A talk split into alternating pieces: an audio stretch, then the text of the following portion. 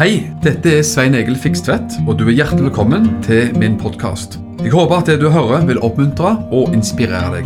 Ønsker du mer informasjon om arbeidet i drivet, så kan du gå til mission-alliance.org. Gud velsigne deg. Gud er, Gud er god. Og jeg håper at jeg skal klare å sy sammen en rød tråd i det jeg har tenkt å dele. Eh, Men jeg kjenner jeg har veldig mye som strømmer og lever i hjertet mitt, og det er jo veldig fint. Men for ca. jeg tror det må være tre år siden, så satt jeg hjemme i stua mi, og så hørte jeg en setning så tydelig. Og den kom på engelsk, men jeg skal si den på norsk. Og den setningen det var De holder på å våkne opp og forstå at de er sterke. Det var setningen jeg hørte. Og hvem er de? Jo, det er Kristi brud. Det er bruden som holder på å våkne opp. Og opplevde det så sterkt at Herren holder på å vekke opp sin brud. Han holder på å vekke opp bruden sin til å forstå at de er sterke. Og i oss sjøl er vi jo ingen sterke, er vi vel? Men i Han så har vi en ufattelig rikdom og en ufattelig styrke. Og jeg har lyst til å prøve å peke på den styrken som vi har i Jesus Kristus her i kveld. For jeg tror at Gud kaller oss høyere. Jeg tror at Gud kaller oss eh, til å våkne opp. Jeg tror han ønsker å åpenbare virkeligheten for oss. Den virkeligheten som ikke fins på nyhetene, men som fins her. Hvis vi forstår de virkelighetene som Gud har, den virkeligheten som Gud sier, som Gud har talt og erklært over oss og over denne jorda, så kan vi være, ha grunn til å være optimistiske. Og jeg tror at Herren holder på med nettopp dette, å vekke opp sin brud. Og jeg vet, Vi har jo hatt profetkonferanse i Moria, og der var det jo ei som talte om bruden som gikk med soldatstøvler på, vernesko soldatstøvler. Og du vet, Det er noe med dette bildet av en brud i hvitt som har på seg soldatstøvler og sverd i slira. ikke det er et nydelig bilde? Så Herren holder på å vekke opp bruden sin. Og jeg tror at han reiser opp folket sitt. Jeg tror ikke Jesus kommer igjen til en, til en tapt og slagen brud som sitter gjemt inne i et uh, mørkt rom og synger 'Kumbaya' og venter på at Gud skal komme igjen. Nei, jeg tror han kommer igjen til en brud som, er, som har kledd seg i brudekjolen. Som har sverdet i hånden, og som tror på Jesus. Som tror på den seieren han vant for oss. Du vet, Det står at Jesus han kom for å søke og frelse det som var fortapt. Han har gitt oss forsoningens tjeneste, står det. Forlikelsens tjeneste. Tenk at Gud elska verden så mye at han valgte gjenopprettelse fremfor ødeleggelse. Jeg vet ikke hva du, hva du, hadde valgt, men jeg tror kanskje jeg hadde valgt ødeleggelse. Vi begynner på nytt. Ja. Nei, Jesus han elska verden så mye. Han elska verden så mye. Han elsker oss så mye. Vet du hvorfor? Han vet hvordan du ser ut når du har fått Jesus i hjertet.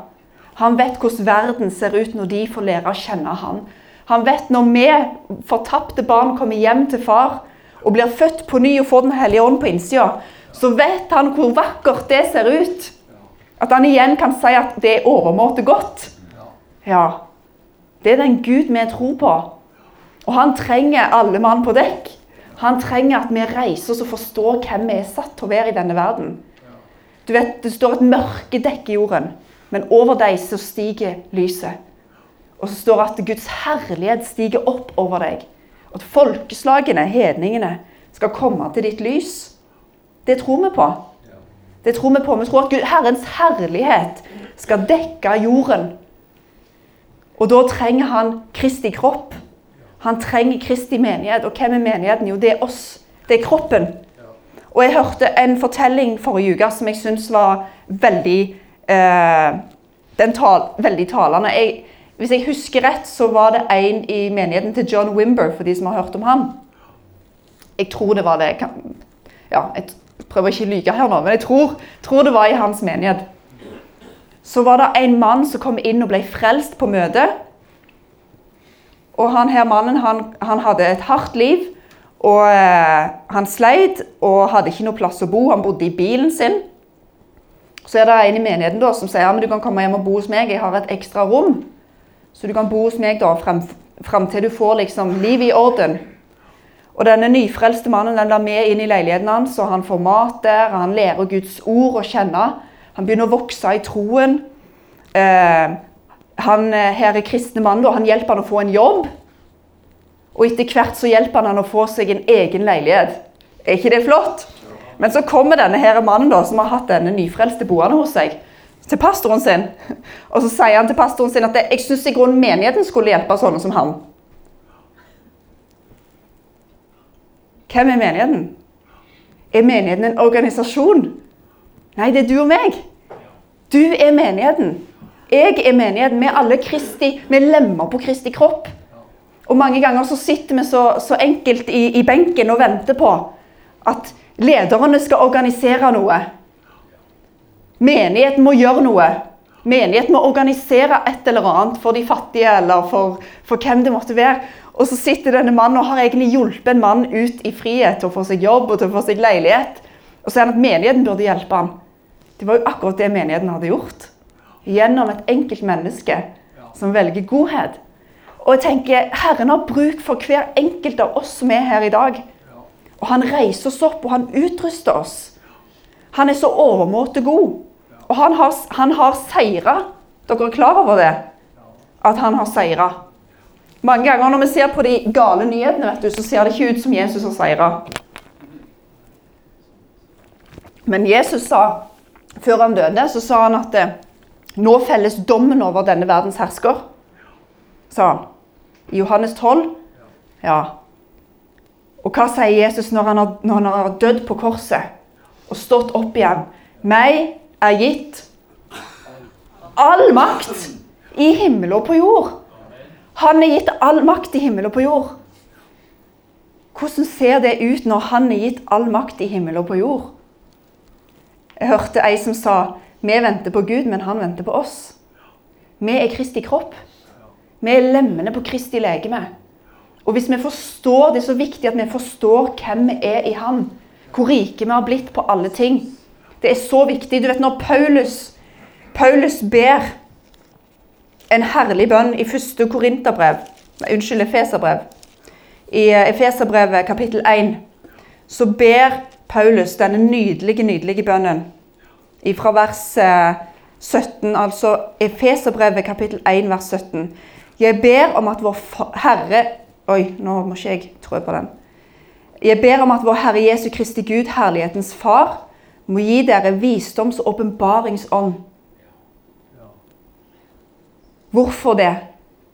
Så dere kan lære ham å kjenne, og at deres forstands øyne blir opplyst, så dere kan forstå hvilket håp dere fikk ved hans kall, og hvor rik på herlighet hans arv, arv er blant de hellige og så er det den samme kraften som reiste Jesus opp fra de døde.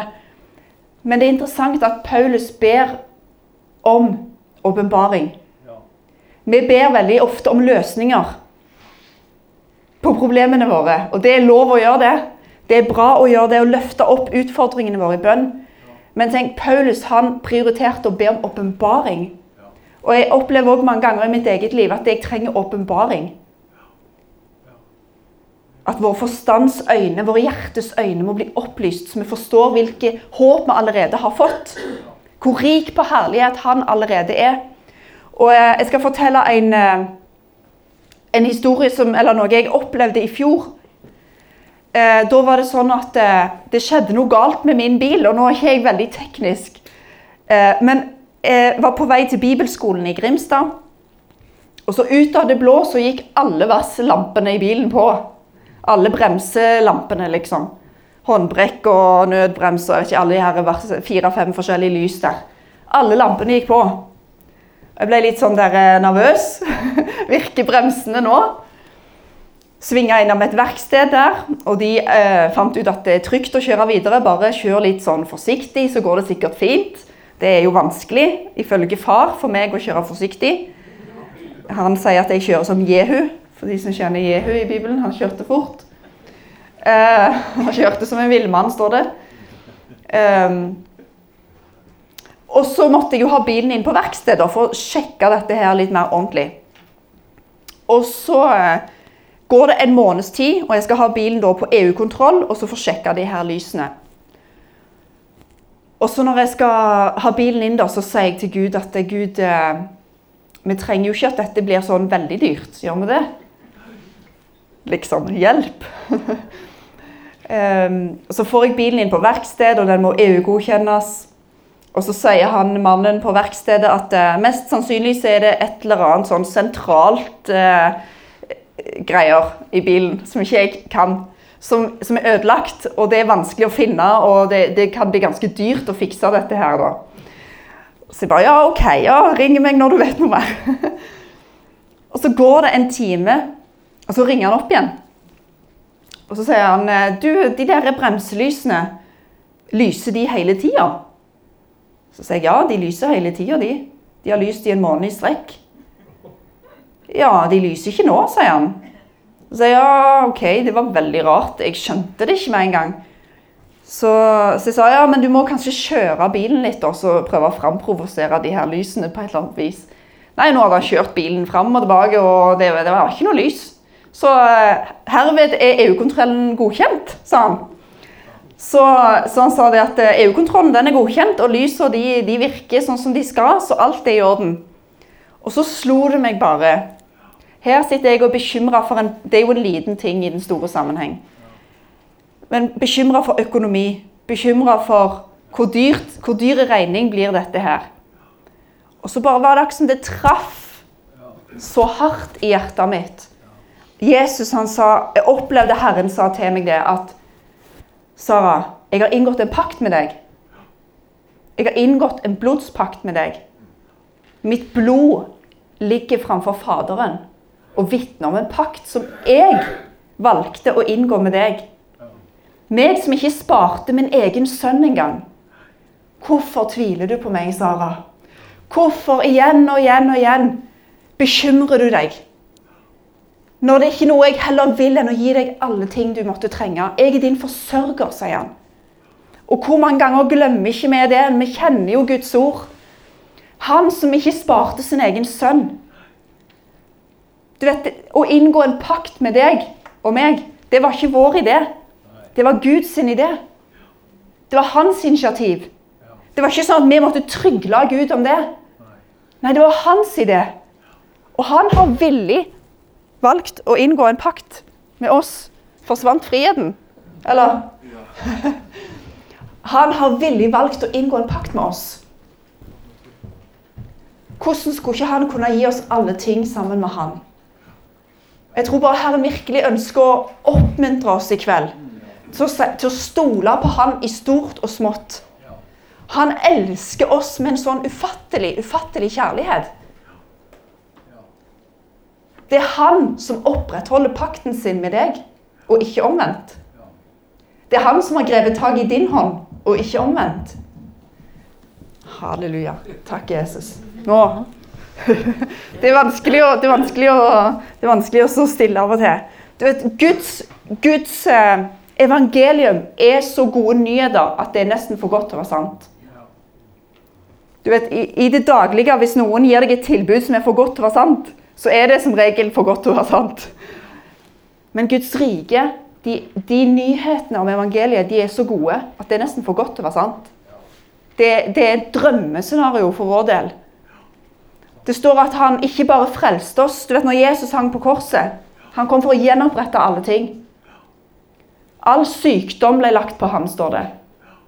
Dere Er klar over det? Mm -hmm. Gud slo ham med sykdom.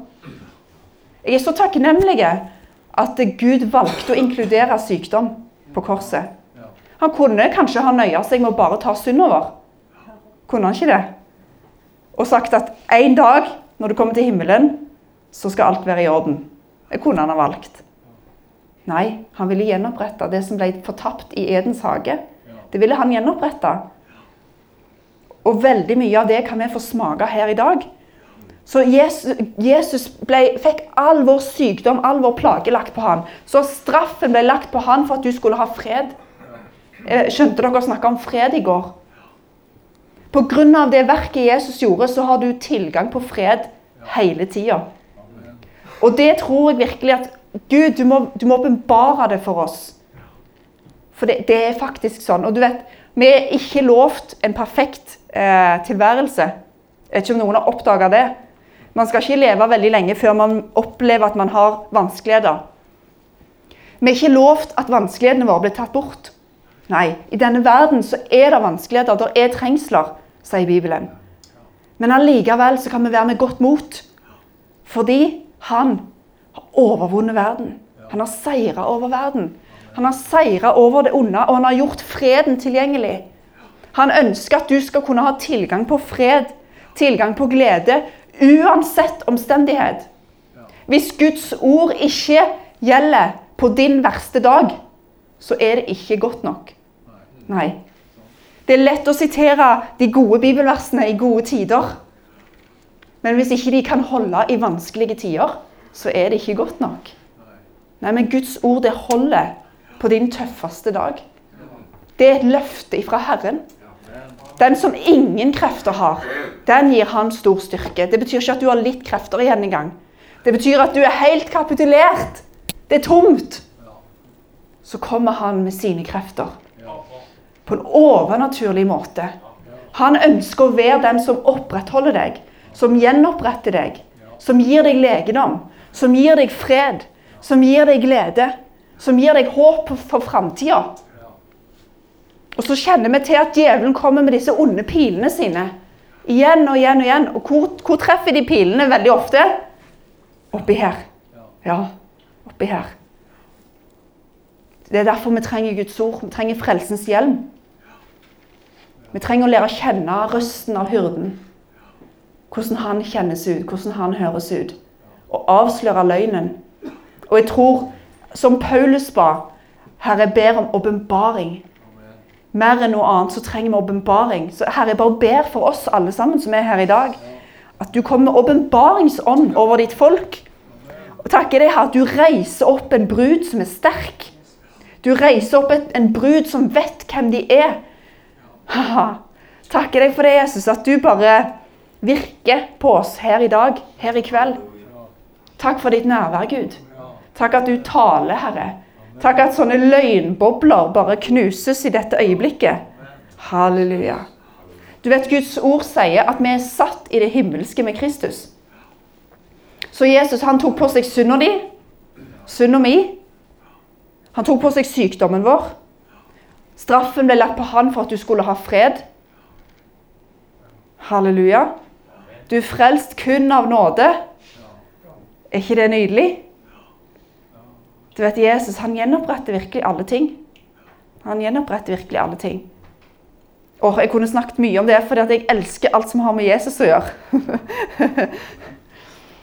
og Det er så mange ting. Jesus vet du, han gjenoppretter virkelig. Og En dag så skal vi jo se den fullstendige gjenopprettelsen. Det hele jorda blir ny. Ny himmel og ny jord. ikke sant? Men jeg tror at når Jesus gjør det, så kommer han og henter en herlig brud. Ja. En brud som er full av tro, som vet hvem de er. Halleluja. Jeg tror Jesus skal komme hjem til en stor gjenforeningsfest med sin familie. Halleluja. Ikke en svak, stakkars, troløs, tannløs, eh, stakkarslig skare. Nei. Du vet, Tenk hvis djevelen sin største løgn er at alt skal bare gå nedover. Det har jeg tenkt på mange ganger. Tenk hvis djevelen lurer Kristi kropp til å ikke forstå hvilken makt de har i han. Du vet, Det er interessant. Jeg leste for ikke så lenge siden om når, når speiderne gikk inn i Jeriko for å speide på byen. Så traff de hun her prostituerte dama Rahab. Og så sier Rahab at hele folket er i skrekk, sier hun. Fordi at vi har hørt om din Gud. Vi har hørt om Israels Gud. Vi har hørt om alle tegn og under som Gud har gjort for Israel Hele byen vet det, sa hun. Hele byen er i skrekk. Tenk på det. Tenk at fienden av og til vet bedre enn vi gjør. Tenk hvis fienden vet bedre enn vi gjør, hvordan vi kommer til å se ut når vi forstår hvem vi er i Han. Når vi forstår hvor godt evangeliet faktisk er. Fienden i Jeriko de visste det. Men Israel de sleit jo ganske mye. Det tok jo lang tid før de skjønte det. Det tok veldig lang tid. Det tok 40 år. De tørte jo ikke gå inn i det lovede landet første gangen. Men tenk så trist da hvis fienden vet bedre enn Guds folk. Tenk hvis det er djevelens største løgn. Det største våpenet mot Guds folk. At nei, nei, bare sitt, bare sitt og vær litt redd. Ikke virk. Ikke, ikke, ikke vær et legeme som fungerer. Nei, Herren ønsker at vi skal være et legeme som fungerer. Som er med å utbre Hans rike. Og hvordan ser det riket ut her på jorda her i dag? Hvordan ser det ut? For det første så er vi bedt om å be om at Guds rike skal komme. Vi kan be om at Guds rike skal manifestere seg iblant oss. Du vet, Når vi er her sammen, så er Guds rike iblant oss, står det. Jesus sa det at hvis, hvis jeg helbreder noen syke eller driver ut onde ånder ved Guds ånd, da er Guds rike kommet nær. Tenk hvis vi som elsker Jesus, er kalt til å utbre Guds rike og vise mennesker. Invitere dem til Guds rike. Og få smake på Guds rike overalt der de er. Tenk hvis det går an. Tenk hvis du har så mye makt med Gud som du egentlig aldri bruker. Gud, må du lære oss å regjere med deg. Må du lære oss å regjere med deg. Og vi kan se i Bibelen hvordan Jesus prøvde å løfte disiplene sitt syn. Og jeg vet ikke hvor lenge jeg har holdt på, og jeg fikk beskjed om jeg kunne holde på så lenge jeg ville. Men jeg skal ikke holde på så lenge. Men jeg har bare lyst til å vise noen få ting i Bibelen der Jesus du ser han prøver å lære disiplene en ny måte å se på. Og jeg tror at Gud ønsker å lære oss en ny måte å se på. Du vet, Disiplene de vandra med Jesus. De så at han helbreda syke. De så at han var jo av en annen verden. Han var av et annet rike. Han opererte under andre lover enn det vi gjør som mennesker. Og det er en veldig interessant historie som er veldig kjent. I Johannes kapittel 6 så står det noe interessant. Det står om eh, vi kan egentlig lese fra vers 1. Deretter dro Jesus over Galileasjøen, også kalt Tiberiasjøen. Han ble fulgt av en stor folkeskare fordi de så tegnene han gjorde på de syke. Folk fulgte Jesus fordi de så tegn og under og mirakler. Og Jesus sa til og med at hvis ikke dere tror meg pga. ordene mine, så tror meg for gjerningene mine. Det kan vi forvente når vi lever med Jesus. Det er grunnleggende kristendom. ja. Han sa hvis ikke, dere, hvis ikke dere ser gjerningene mine, så tror meg ikke. Wow, tenk hvis vi kunne si det. Wow, kan vi si det? det er utfordrende. Gud ønsker å åpne opp horisonten vår. Ja, Løfte oss opp, så vi ser litt høyere. De fulgte Jesus, for de så tegnene han gjorde. Jesus gikk opp i fjellet, og der satte han seg sammen med disiplene. Så står det påsken, jødenes høytid, var nær. Da, løft, da Jesus løftet øynene og fikk øye på en, sko, på en stor folkemengde som kom imot ham, sier han til Philip, 'Hvor skal vi kjøpe brød, så disse kan få spise?' Altså, her ser vi Jesus drar opp på fjellet. Folkemengden kommer stimle til, for de har sett mirakler, de har hørt om Jesus, de er sultne på noe. Kanskje de bare var sultne på legedom. Men mange ganger så vet ikke folk hva de er sultne på, vet du. Men Jesus er jo livets brød. Han er brødet som kom ned. Men så sier Jesus til Philip, da, 'Hvor skal vi kjøpe brød?'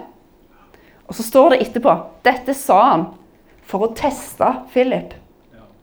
Fordi han visste sjøl hva han hadde tenkt å gjøre. Merkelig opplegg. Sånn er det jo å følge Jesus. Vi er jo alle lærlingene til Jesus. Vi er jo alle Jesus' disipler. Og De hadde vandra med Jesus en stund. De hadde fått sett helbredelser, de hadde fått sett litt mirakler. De hadde sett når han gjorde, gjorde vann om til vin. Og så prøver Jesus her å pirke litt borti Philip. Sier han, 'Hvor skal vi kjøpe brød?' Hva tror du, Philip? Så sa han det for å teste han, for Jesus visste hva han hadde tenkt å gjøre. Og jeg tror at Gud spør oss om det noen ganger. Hva skal vi gjøre i denne situasjonen, tro? Det er jo umulig for mennesker å kjøpe så mye brød. Han prøver å lære disiplene en annen måte å tenke på. En annen måte å tenke på. Og så svarer jo Philip brød for 200 denarer er ikke nok til så hver enkelt av dem kan få et lite stykke en gang. Og Så kommer da han ene med disse her fiskene og brødet. Og så gjør Jesus dette matunderet. Og så blir 5000 menn pluss kvinner og barn blir metta. For et stort mirakel. For et stort mirakel. Halleluja. Du vet, Jesus gjorde jo to forskjellige som det står skrevet om i, evangeliene, to, brød, to sånne matunder. Og etter det vet du, så, så, reiser de over, de tar båten over til, til, et annet sted. Og så begynner Jesus å snakke om fariseerne sin surdeig. Veldig rart å plutselig begynne å snakke om det. Og da òg, vet du, disiplene de forsto ikke. De forsto ikke. Og da også står det, jeg tror det står i Markus 8, jeg er ikke helt sikker på det. Men der står det at eh, Jesus sier da, når de var på vei over i, i, i båten der, at eh, Vokt dere for fariseerne sin surdeig. Så begynner disiplene å tenke menneskelig. Å, han snakker om brød. Det er fordi vi har glemt å ta med brød. Så disiplene sin logiske slutning det var det at nå har vi glemt å ta med brød, og vi må ikke spise brødet som fariseerne har på lur. De har en surdeig liggende et sted. De tenkte veldig bokstavelig. Og til og med da så sier Jesus Så begynner Jesus å minne dem på Nå skal jeg se om jeg finner det. Dette var ikke planlagt. så nå skal vi se.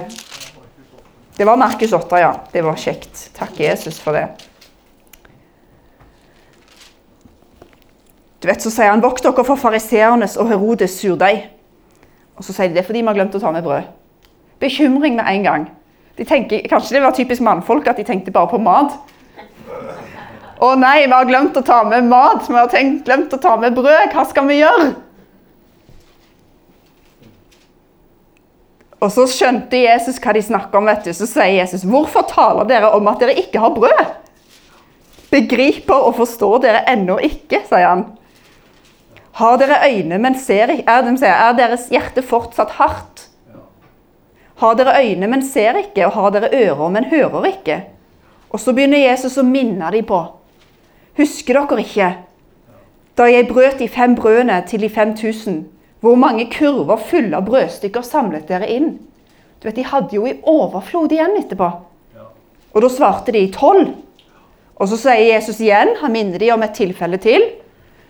Og da jeg brøt de sju til de 4000, hvor mange store kurver fulle av brødstykker samlet dere inn?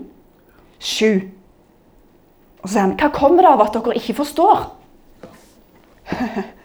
Jesus han prøver å lære disiplene å tenke på en annen måte. Vi er ikke av denne verden. Vi er i denne verden, men vi er ikke av denne verden. Nei. Og så mange ganger så tenker vi menneskelig på våre situasjoner. Men Herren vet du, han er miraklenes Gud. Og han ønsker å gjøre mirakler. Han ønsker å gjøre mirakler. For ta dette, nå lover jeg, dette blir siste historie. Og dette òg i Johannes 4. Der står det om en mann som hadde en døende sønn. I Johannes 4 fra vers 46 så står denne historien her. At det var en tjenestemann som hadde en sønn som lå syk. Og så kommer han når han hører at Jesus er på vei, så ber han Jesus inntrengende om å komme og helbrede sønnen sin. Og Så sier Jesus noe veldig merkelig. Hvis dere ikke ser tegn og under, vil dere slett ikke tro. Og når jeg leste dette før i tida, så hørte jeg litt sånn fordømmende stemme i den setningen der. Hvis dere ikke ser tegn under, så vil dere ikke tro. Vet du noe? Jeg tror det er helt feil. Man kan se at Jesus han ville ikke gi tegn til, til fariseerne. For de var kritiske og noen surpumper som var ute etter å ta Jesus. Og da sa Jesus at ikke noe tegn skal bli gitt dere. Men man ser her at Jesus han elsker å vise tegn. Han elsker å gjøre mirakler. Og jeg tror heller istedenfor å lese det Hvis dere ikke ser tegn, så vil dere ikke tro. Å, herlighet, så liten tro dere har. Så sier han selvfølgelig. Hvordan kan dere tro hvis ikke dere ser tegn? Her kommer der en desperat far og faller framfor, framfor Jesus og sier 'Sønnen min er dørende.' Helbreder han, så sier Jesus selvfølgelig. Fordi at det, mitt rike består ikke i ord, men i kraft. Han prøver å vise oss en annen måte å tenke på. Hans rike består i kraft. Og jeg tenker at Han vil lære oss å se med hans øyne på våre egne liv. Kanskje du sitter her og Nå kom det jo mange litt sånn tunge kunnskapsord her på begynnelsen i dag. Kanskje du har nok med ditt eget liv og tenker 'Herre, jeg drukner'. Jeg trenger hjelp, jeg trenger din tro, jeg trenger din oppmuntring. Vet du, Herren vil gi deg det. Herren vil være den som gjenoppretter ditt liv. Han vil være den som løfter deg opp av, av graven. Som løfter dine føtter opp og setter dem på en klippe. Han vil være den som styrker deg når ikke du har noe kraft. Halleluja. Og så tror jeg òg at han vil strekke oss Sånn at vi kan være hans hender og føtter ut i en døende verden. Fordi at vi har fått forlikelsens tjeneste. Verden venter på åpenbaringen om Kristi herlighet. Verden venter. Og jeg tenker på dere som skal til Ukraina. Så fantastisk. Og mens vi var i lovsangen, så tenkte jeg bare Hører, hører om at ikke de har strøm og alt dette her, så tenker jeg dere må bare få lagt hendene på alt utstyret dere kommer over. For vi tror på at Gud gjør mirakler. Herren kan få maskiner til å virke uten strøm, kan han ikke det? Tror du ikke Herren kan sette på strømmen hvis han vil? Tror Herren stiller oss dette spørsmålet hm, Hva vil du gjøre med dette, Philip? Vi har litt lite brød her. Hm, kanskje Gud prøver å lære oss noe? Lære oss en måte å tenke på. Han vil oppmuntre oss. Han vil kraftig støtte deg. Han vil kraftig støtte deg. Og hans kraft er overveldende stor, står det i Bibelen. Det er ikke en liten kraft som nesten holder, liksom. Det er så vidt det går, men å, flaks at det gikk, liksom. Nei, hans kraft er overveldende stor. Større enn vi kan fatte og begripe. Jeg tror Herren ønsker å lære oss å tenke og se med nye øyne. Han ønsker at vi skal komme i funksjon og bli de han har kalt oss til å være. Uten fordømmelse. Og en ting som har hjulpet meg veldig når det gjelder dette her med å, å lengte etter Guds tegn og under Vet du noe? Det må nødt til å skje i tro. Og hva er tro? Det er ikke sånn. Å, jeg prøver å tro, men jeg drukner. Det er ikke tro, det er streving. Og vet du, Det er lov å si. Jeg, jeg hadde, en, hadde, en, periode sjøl Jeg jobber jo som sykepleier til vanlig, blant annet og eh, omringa av syke mennesker. Og det kom et punkt der jeg hadde jo så fordømmelse, for jeg kunne jo ikke be for alle disse menneskene. Hadde så fordømmelse at jeg, må, jeg, jeg slutta helt, mista hele frimodigheten på å be for syke. Men så begynte Herren å vekke det opp igjen, denne lengselen. Og en god bønn å be, vet du, det er Jesus, hjelp. Hjelp meg, gi meg tro. La det være gøy for meg å gå etter dine ting, Gud. Det er, tro er ikke å streve og holde seg i håret og drive med lovgjerninger og lovlig lovgjerningsgymnastikk for å få Guds kraft til å virke. Nei, det er en gave. Og hvordan mottar man den gaven? Jo, ved å fylle seg med Guds ord og søke Hans ansikt. Si, Herre, jeg vet hvor jeg er på vei. Jeg vet hvor jeg er på vei. Jeg vet at jeg skal se mye mer enn det jeg har sett til nå. Og Det gjelder for alle og enhver av oss. Han inviterer oss med på denne reisen, og det er jo det en sann disippel gjør. Vi er jo lærlinger, alle mann. Vi er elever i Jesus skole. Og han vil lære oss å tenke sånn som han tenker, og tro sånn som han tror, og se sånn som han ser. Amen. Amen. Takk for at du har lytta til denne podkasten.